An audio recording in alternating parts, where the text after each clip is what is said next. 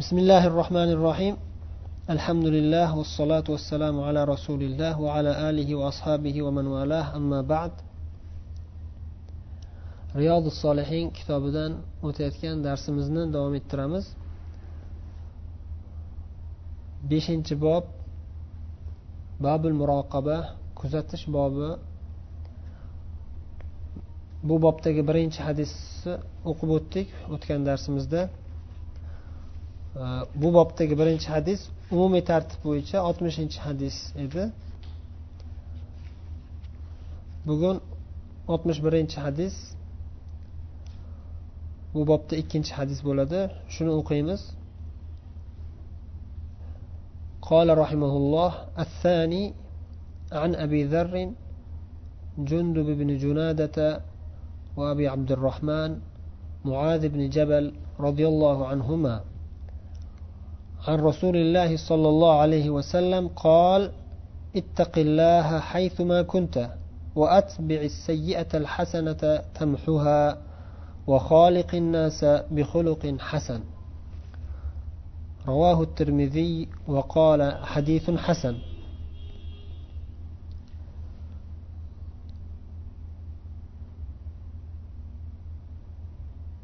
abu zar roziyallohu anhu ismlari jundub ibn junada mashhur sahobiy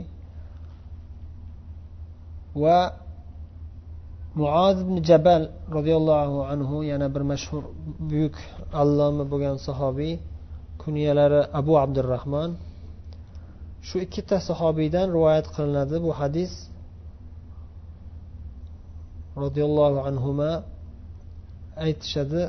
Rasululloh sollallohu alayhi vasallam aytadilar ittaqillaha haythuma kunta. Qayerda bo'lsang ham ollohdan taqvo qilgin. Qayerda bo'lishingdan qat'iy nazar ollohdan taqvo qilib qo'rqib turgin.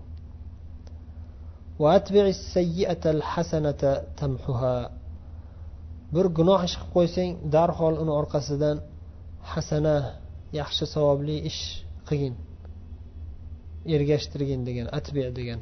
Bir gunoh ish qilib qo'ysang orqasidan yaxshi bir savobli ish ergashtirib o'sha gunoh o'chirib tashlaydigan tamhuha ana shu gunohni o'chirib tashlaydigan yaxshi bir savobli ish qilgin tavba qilib ya'ni. Bir gunoh ish qilib qo'ysa odam tavbasi uchun ham tavba qilish bilan birga yana boshqa savobli ish qilish kerakki o'sha gunohni o'chirib tashlaydi o'sha yaxshi savobli ishlar gunoh ishlarni o'chirib tashlaydi.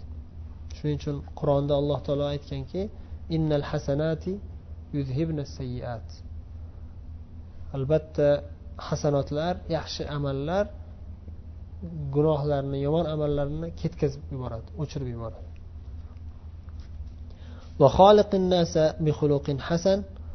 Odamlarga go'zal xulq bilan muomala qilgin. Go'zal xulq bilan xulqlanib muomala qilgin. Odamlar bilan muomala qilganingda dedilar shu nasihat bilan nasihat qildilar rasululloh sollallohu alayhi vasallam bu hadis mashhur hadis imom navoiy rahimaulloh bu bu yerda keltiryaptilar va bu ayni shu hadisni arbaina navoiya qirq hadis kitoblarida ham keltirganlar ahamiyati buyukligi uchun u yerda ham bu yerda ham takrorlaganlar. Odamlar bilan muomala qilganda go'zal xulq bilan xulqlangin. Go'zal xulq bilan xulqlangin. Demak bu hadisda bir necha vasiyatlar nasihatlar zikr qilindi. Uni uch qismga bo'lsak bo'ladi. Birinchisi birinchi vasiyat ittaqillaha haythuma kunta. Qayerda bo'lsang ham ollohdan taqvo qilgin deganliklari. Taqvo nima? Taqvo olloh harom qilgan ishlardan chetlanib uzoq bo'lishlik. Olloh buyurgan ishlarni esa bajarib toat ibodatlarni ado etishlik. Mana shu taqvo. Olloh buyurgan ishni qilasiz olloh harom qilgan ishlardan uzoq bo'lasiz. Kim uchun? Olloh uchun. Qanday tartibda? Rasulullohning tartiblarida. Ixlos bilan sunnatga muvofiq holda bo'lishi kerak. Misol uchun aroq ichma dedi alloh taolo. Siz aroq ichmayapsiz. Lekin aroq ichmasligingizdan maqsadingiz kasal bo'lmaslik. Chunki aroq odamni kasal qiladi. Sog'lig'imni saqlayman deb turib ichmayapsiz. Unda sizga savob bo'lmaydi. Gunoh ham bo'lmaydi aroq ichmaganligingiz uchun lekin olloh buyurgan ish bu aroq ichmaslik. Yoki aroq ichishlik olloh harom qilgan narsa shuning uchun uni tashlayman degan niyat bo'lmasa savob bo'lmaydi. Agar shu niyat bo'lsa savob bo'ladi. Namoz o'qiysiz peshinga yoki asrga namozga turib turib namoz o'qiyotganingizda olloh namoz farz qilgan deb turib yigirma rakat peshin o'qiyman deb yigirma rakat peshin o'qisangiz nima bo'ladi? Xolis olloh uchun deb peshin peshin bo'lmaydi u. U bidat bo'ladi u. Nimaga? Birinchi shart bajardingiz lekin ikkinchi shart buzdingiz. Ikkinchi shart ya'ni rasululloh sollallohu alayhi vasallam sunnatlariga muvofiq bo'lishi kerak. Peshin farzi to'rt rakat. Peshindan oldingi ikki rakat ikki rakatdan yoki to'rt rakat ba'zi bir e, ulamolarni e, mazhablarida to'rt rakat birdaniga o'qisa ham endi u masala yengil masala. Lekin to'rt rakat farz albatta to'rt rakat farz bo'lishi kerak. Hatto sunnati ham peshindan oldingi sunnat ham to'rt rakat peshindan keyingi sunnat ikki rakat. Ba'zilar to'rt rakat o'qisa bo'ladi deyish. Aytmoqchi bo'lganimiz ko'paytirmaslik kerak kamaytirmaslik kerak. Kelgan sunnatda hadisda qanday kelgan bo'lsa o'shanday qilish kerak. To'rt rakat farz deyildimi to'rt rakat farz o'qish kerak. Sakkiz rakat farz o'qiyman. Yoki o'n besh rakat farz o'qiyman desa nima bo'ladi? Bidat bo'ladi. Bidat bo'lganda ortiqchasini olib tashlab kerakligini qolaveradi degani emas ortiqchasi ham qolgani ham hammasi buzilib ketadi. Hammasi buzilib ketadi. Sunnat qanday bo'lsa o'shanday qilish kerak. Ko'paytirmaslik kerak kamaytirmaslik kerak. Mana shular hammasi taqvoga kiradi. Ollohdan taqvo qilgin deganlarida shu olloh buyurgan ishni rasululloh ko'rsatganday bajargin xolis niyat bilan deyiladi. Mana shular hammasi taqvoga kiradi.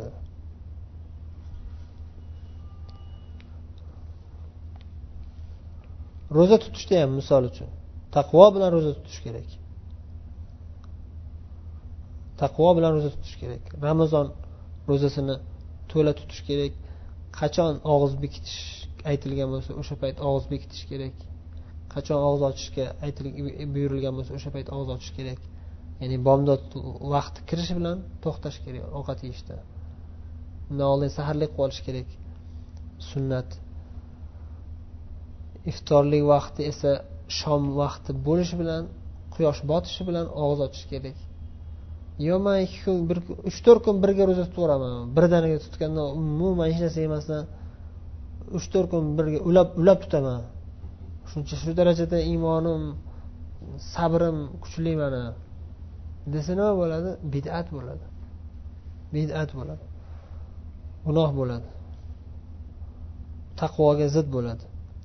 Ro'za tutganda haqiqatda rasululloh tutganday ro'za tutishga kiradi yana sunnatga lau bema'ni gaplar g'iybat chaqimchilik degan narsalar ham bo'lmasligi kerak. Tortishuvlar jadallar ro'za tutgan odam ro'za odobi yanada ko'proq bo'ladi. Oddiy holatlaringizda ba'zi ruxsat beriladigan masalan hazil huzullar ham kamaytirilishi kerak ro'zada. Oddiy holatdagi harom bo'lgan narsalar ro'zada yana ham qattiqroq harom qilinadi. Masalan g'iybatchilik chaqimchilik harom o'zi aslida katta gunohlardan lekin ro'zada yana ham kattaroq gunoh bo'ladi u. Mana shularni hammasiga amal qilish ya'ni shu narsalardan chetlanib harom ishlardan chetlanib e, farz sunnat amallarni bajarishlik taqvo ma'nosiga kiradi. Ikkinchi vasiyat gunoh ish qilib qo'ysang darhol tavbasiga yaxshi savobli amal ham qilgin. Shunday dedilar. Boya aytganimizdek alloh taolo bu narsani qur'onda ham aytgan. Yaxshi amallar savobli ishlar gunoh ishlarni yuvib tashlaydi o'chirib tashlaydi. Tavba qilishimiz kerak va tavba bilan birga yaxshi amallarga shoshilishimiz kerak. Alloh taolo aytadiki va yuhibbul mutatahhirin shak shubhasiz alloh taolo ko'p tavba qiluvchilarni yaxshi ko'radi. Bir marta ikki marta tavba qilib qo'yish emas doim tavba qilib turadigan ko'pdan ko'p tavba qiladiganlarni yaxshi ko'radi. Va yuhibbul mutatahhirin poklanib yuradiganlarni alloh yaxshi ko'radi dedi. Poklanib yuradiganlarni olloh yaxshi ko'radi deganda ikki xil ma'nodagi poklik. Ikki xil ma'noda tahora ma'naviya va tahora hissiya. Ma'naviy tahorat poklik ma'naviy poklik birinchi o'rinda turadi. Va hissiy poklik. Ya'ni e, hojatingizni bajarganingizdan keyin mustahab qilasiz. Kiyimlaringizga najosat tekkan bo'lsa yuvib tozalab oppoq qilib pokiza qilib kiyim kiyasiz. Badanlaringizni doim g'usul qilib turasiz. Har haftada bir marta kamida har besh vaqt namozga afzali har doim yangi tahorat qilish afzal.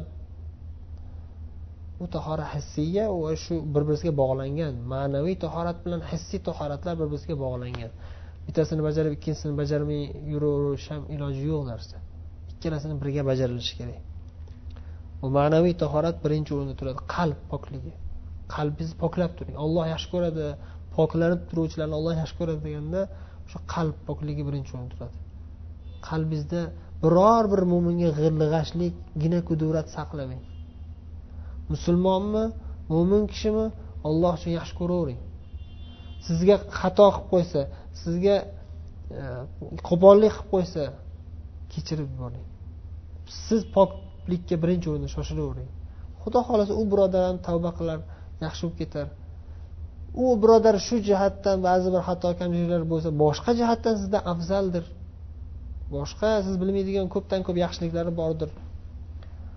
Nima bo'lganda ham demak poklik doim tavba qilib turishlik va doim poklanib turishlik alloh yaxshi ko'rgan eng buyuk ibodatlardan.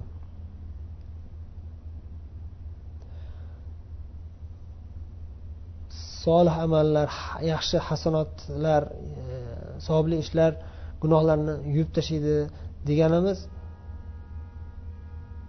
ayni shu narsa boshqa hadislarda ham ko'p zikr qilingan. Masalan rasululloh sollallohu alayhi vasallam aytadilar as salovatul xams val jumuatu ilal juma va ramazonu ila ramazon mukaffiratun ma baynahunna idajtunibal kabair.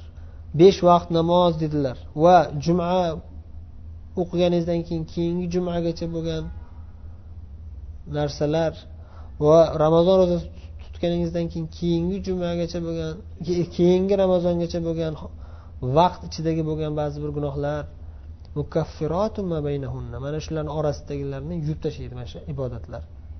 Ramazon ro'zasini tutdingiz oldingi ramazondan to'planib qolgan gunohlaringiz yuvilib ketdi keyingi ramazongacha bo'lgan gunohlaringiz ham yuviladi.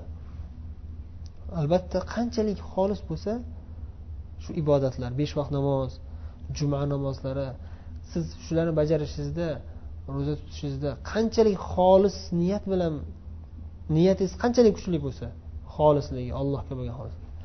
Va sunnatga muvofiqligi qanchalik mukammal bo'lsa mustahab shartlarini ham mukammal suratda bajarib e, ado etadigan bo'lsangiz shu ibodatlarni o'shanga yarasha kuchli ta'sir qiladi bu ibodatlar hayotingizga.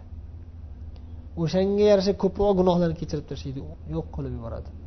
O'shanga yarasha savobi ko'proq bo'ladi. Ya'ni rasululloh sollallohu alayhi vasallam boshqa hadis qudsiyda aytganlaridek bitta savobli ishga alloh taolo o'n barobar savob beradi. Yetti yuz barobar savob beradi dedilar. Bitta yaxshi ish qilsangiz. Nima uchun o'n barobar yoki undan ham ko'p yuz barobar yetti yuz barobargacha dedilar? Nimaga? Chunki hammaga bir xil bo'lmaydida. Ba'zilarga o'n barobar bo'ladi ba'zilarga yigirma barobar ba'zilarga yuz ba'zilarga yetti yuz barobar. Nimaga unday farq qiladi desa o'sha niyati xolisligi darajasi kuchliligi har xil bo'ladi odamlarniki. Va sunnatga muvofiqligidagi darajasi har xil bo'ladi. Va sobit qadam turishligi har xil bo'ladi. Bir ibodatni bajardingiz o'sha savobini salomat saqlab turishligingiz uchun ham sobit qadam turishingiz kerak. Agar mana hozir aytgan vasiyatlari hadisda aytgan vasiyatlarni teskarisi bo'lsa nima bo'ladi xudo saqlasin. Bir gunoh ish qilib qo'ysang darhol uni o'rniga yaxshi savobli ish qilgin dedilar o'sha gunoh kechirib yuboradi dedilar. Lekin ba'zi odamlar teskari bir yaxshi ish qilib qo'ysa xursand bo'lib ketib gunoh bo'lib ketadi. U savoblarni o'chirib tashlashi mumkin. Ya'ni ramazon ro'zasida ibodatlarni to'la bajarib ramazonda yaxshi bo'lib turadi ramazondan keyin qarasangiz qani o'sha ibodatlaringiz? Birodar ramazonda musulmonsiz ramazondan chiqqandan keyin musulmonlik yo'qoladimi? Xudo saqlasin ba'zilar shunaqa bo'lib qoladi. Ramazonda yaxshi bo'lib turadi tarohlarni o'qiydi ro'zalarni tutadi. Ramazondan keyin qarasangiz dindan asorat qolmaydigan darajada yana qaytib gunohlarga kirib ketadi. Mana shu vasiyatni butunlay teskarisini qilgan bo'ladi bu odam. Bitta gunoh qilib qo'ysang adashib ba'zida iymon zaiflik qilib darhol tavba tavba qilib tavbasiga yaxshi amallarni qilish kerak. uchinchi vasiyatlari go'zal xulq bilan xuluqlanish odamlarga yaxshi muomalada bo'lish dedilar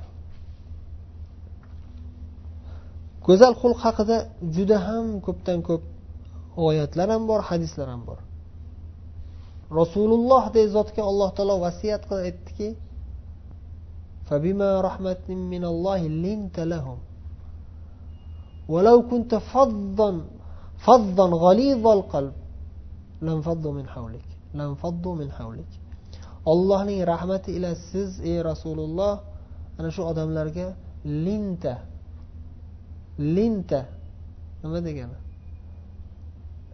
yumshoq bo'ldingiz degani muloyim bo'ldingiz degani fabima rahmatin minalloh linta lahum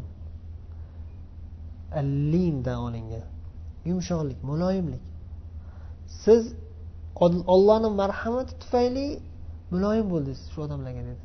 Olloh agar siz qo'pol bo'lganingizda fazzon degan qo'pol degani al fazoza qo'pollik zo harfi bilan.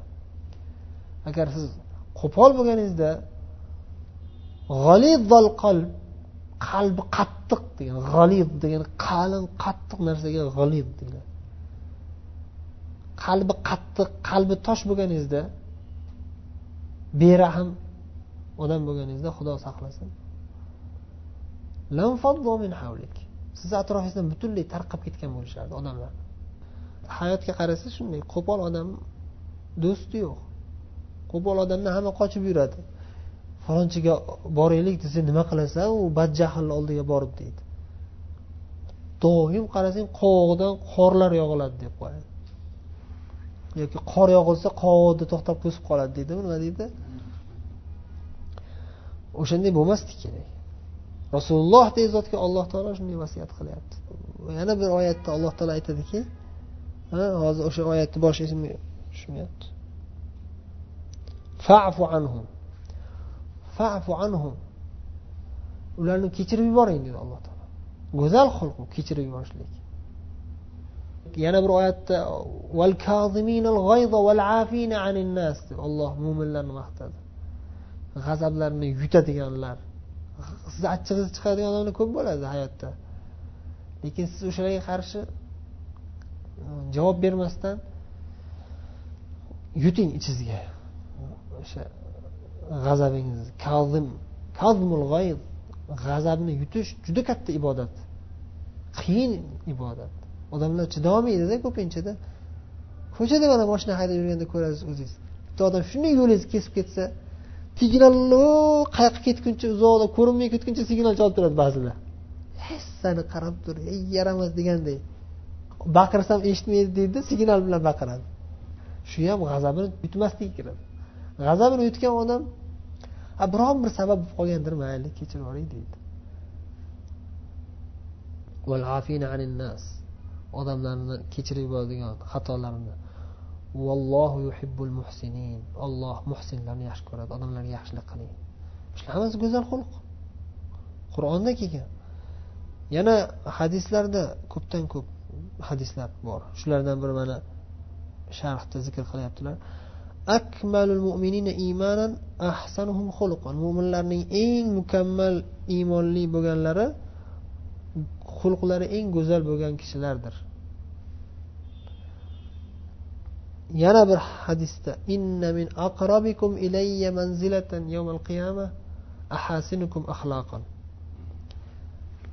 sizlardan oranglarda menga qiyomat kuni manzilasi martabasi eng yaqin bo'lgan odamlar xulqlari eng go'zal bo'lgan odamlar.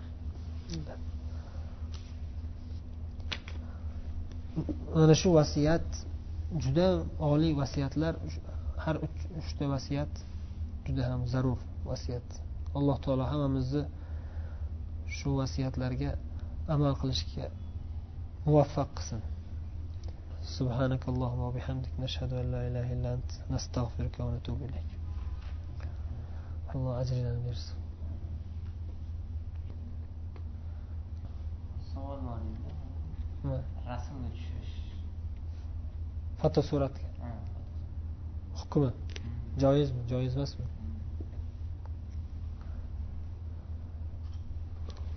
rasmga tushish masalasi ancha e, tafsiloti bor. Bir qancha jihatlari bor. Endi rasululloh sollallohu alayhi vasallam hadisda la'natlaganlari qo'l bilan jonli rasmlarni rasmini chizish.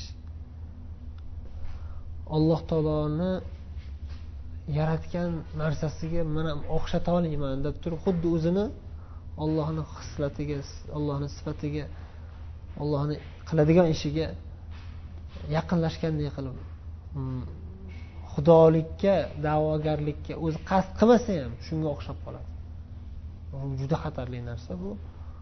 O'shaning uchun katta gunoh bu. O'shaning uchun la'natlangan bu bir jihat. Ikkinchi jihat o'sha chizilgan rasmlarni ulug'lash masalasi keladi. Jonli rasm chizgandan keyin u rasmni qayergadir osib qo'yadi. Yoki qayerdadir saqlaydi hurmat bilan qo'l bilan chizgan bo'lsa ham. O'sha tazim ulug'lash bu ham shirkka boradi shirk akbarga boradi. Birinchisi xudolikni davo qilishga o'xshaydi. Olloh yaratganday chizaman man deb.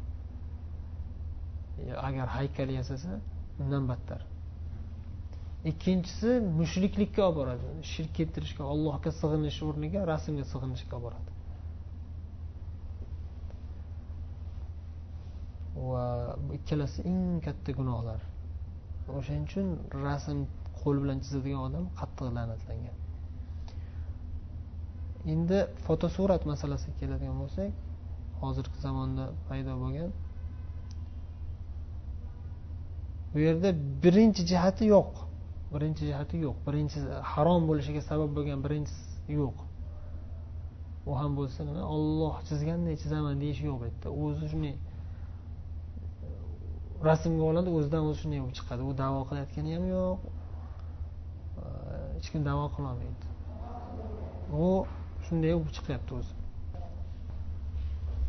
Birinchisi illati birinchi harom bo'lish sababi yo'q. Fotosuratga olganda olloh chizganday o'xshatib chizaman demaydi. Chunki bu o'zidan o'zi aksga e, chiqadi olloh yaratgan narsani aksi. Xuddi siz bir suvni tepasiga borib qarasangiz aksingizni ko'rasiz suvda. Suvda o'zingizni aksingizni ko'rasiz. Chunki oynaga o'xshash.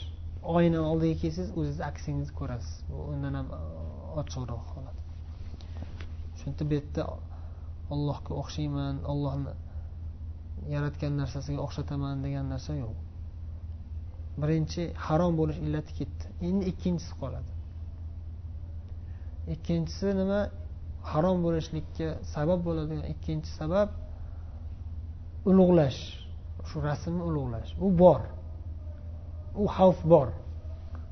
Fotosuratda rasm olganda o'sha fotosuratga olingan rasm surat jonli narsani surati bo'lsa o'sha jonli narsani suratini saqlab ulug'lasa shirkka olib ketib qolish xavfi bor.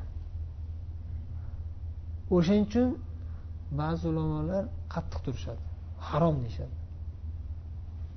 Degan o'sha la'nati hadisda aytilgan la'natga olib boradi deb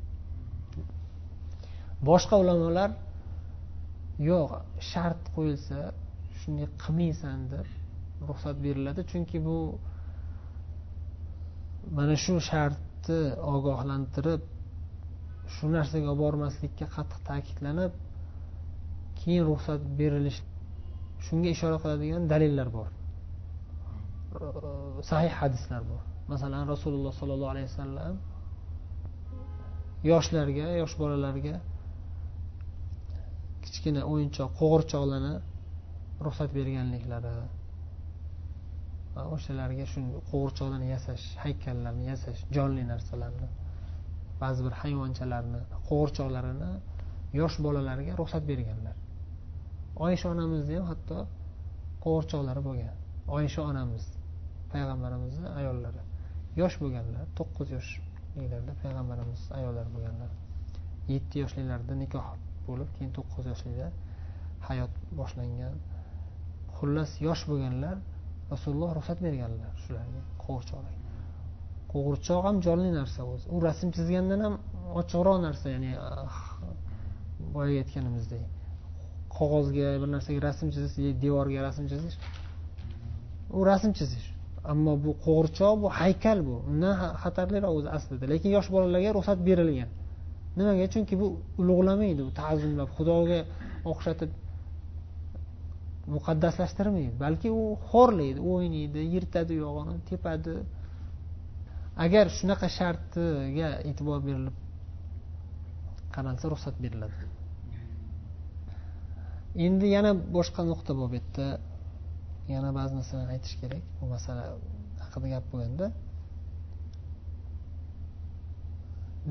Shu fotosurat mana shu shartlarni aytib shu narsalardan ogohlantirib keyin ruxsat berilsa bo'ladi. Fotosurat ham video ham keyin undan keyin keladi video kamera. U keyingi masala. Ruxsat beriladi desa ulamolar ba'zi odamlar kelib turib ana fatvo bo'ldi joiz ekan deb turib butunlay darvozani olib tashlab katta ko'cha qilib qo'yadi. Xohlaganday rasmga olaveringlar xohlaganday videoga olaveringlar va tarqataveringlar. Bu aslida u fatvo bergan olim bunaqa gapirmagan xohlaganday bemalol demagan lekin odamlar shuni kutib turadida joizmi joiz emasmi siz? Ba'zi bir shartlarga binoan joiz desa ketdida ba'zi bir shartlarga binoan degan joyini olib tashlaydida joiz ekan deydi ketib tarqatib yuboradi. O'sha shartlarga rioya qilish qattiq ta'kidlanishi kerak doim aytish kerak. O'shaning uchun zarurat bo'lmasa bu gapni gapirmaslik kerak hatto. O'sha harom degan narsada to'xtatib turaverish kerak odamlarni ehtiyotroq bo'lib turadi. Lekin baribir endi shariat hukmini bilgan odam bilganini dalillar bilan aytish kerak o'zi aslida. O'shanga binoan aytilyapti. O'sha shartlaridan masalan yana ayol kishini surati bo'lmasligi kerak. Ayol kishini suratga olish asli harom o'zi fotosuratga ham videoga ham boshqasiga. Ayol kishini suratga olmasligi. Yana bitta nuqtasi o'sha harom degan ulamolarni ham fikri to'g'ri bo'lib qolishi mumkin degan ehtiyot bo'lib turishi kerak. Odamdaki bekordan bekorga rasmga olavermaslik kerak. Zarurat bo'lmasa ham o'zini o'zi yo moshinada ketayotgan rasmga oladi samolyotga chiqayotgan rasmga oladi dengizda olib turgan rasmga oladi toqqa chiqqan rasmga oladi. Qachon qarasangiz rasmga olgan olgan? Nima desa ha fotosuratku bu rasmku ulamolar foto berganku deb yengil tek bo'lib ketadi. Juda yengil qaraveradi bekordan bekorga rasmga olmaslik kerak. Harom degan ulamolar bor ularni gapi to'g'ri qolishi ham mumkin qo'rqib turgin deyish kerak. Ehtiyot bo'lib turgan deyish yana bitta nuqtasi ayollarni rasmga olish mumkin emas dedik. Illo zarurat bo'lsa masalan pasportga rasmga tushishi kerak bo'lsa hujjat zarur hujjatlarga unga unga ham ruxsat berilgan. Unda ixtilof yo'q deyarli. Ruxsat bor bunga zarurat uchun. Zarurat holatlarini ham ulamolar o'sha holatga qarab ha endi zarurat bo'libdi deb fatvo berishadi. Hamma o'zicha man majbur bo'lib qoldim zarur bo'lib qoldi hamma o'zicha fatvo berishga ham haqqi yo'q. Yana bitta nuqtasi ayollarni rasmga olishlikka ruxsat berilgandan keyin ham o'sha zarurat miqdoridan oshirmaslik kerak. Ya'ni bu degani nima degani bu degani ayol kishini rasmiga qaramaslik kerak umuman. Rasm olingan bo'lsa ham u suratga qaramaslik kerak. Chunki u rasmga olinishligi zarurat uchun bo'lgan. Kimdir pasportni kontrolda qarashi mumkin unga ruxsat berilgan. Lekin boshqa holatlarda kerak emas bo'lsa qaramaslik kerak. Ruxsat degani rasmga olishga ruxsat berildi degani o'sha rasmga qarashga ruxsat berildi degani emas. U boshqa masala. Mana shu jihatlarga ehtiyot bo'lish kerak. Allohu alam.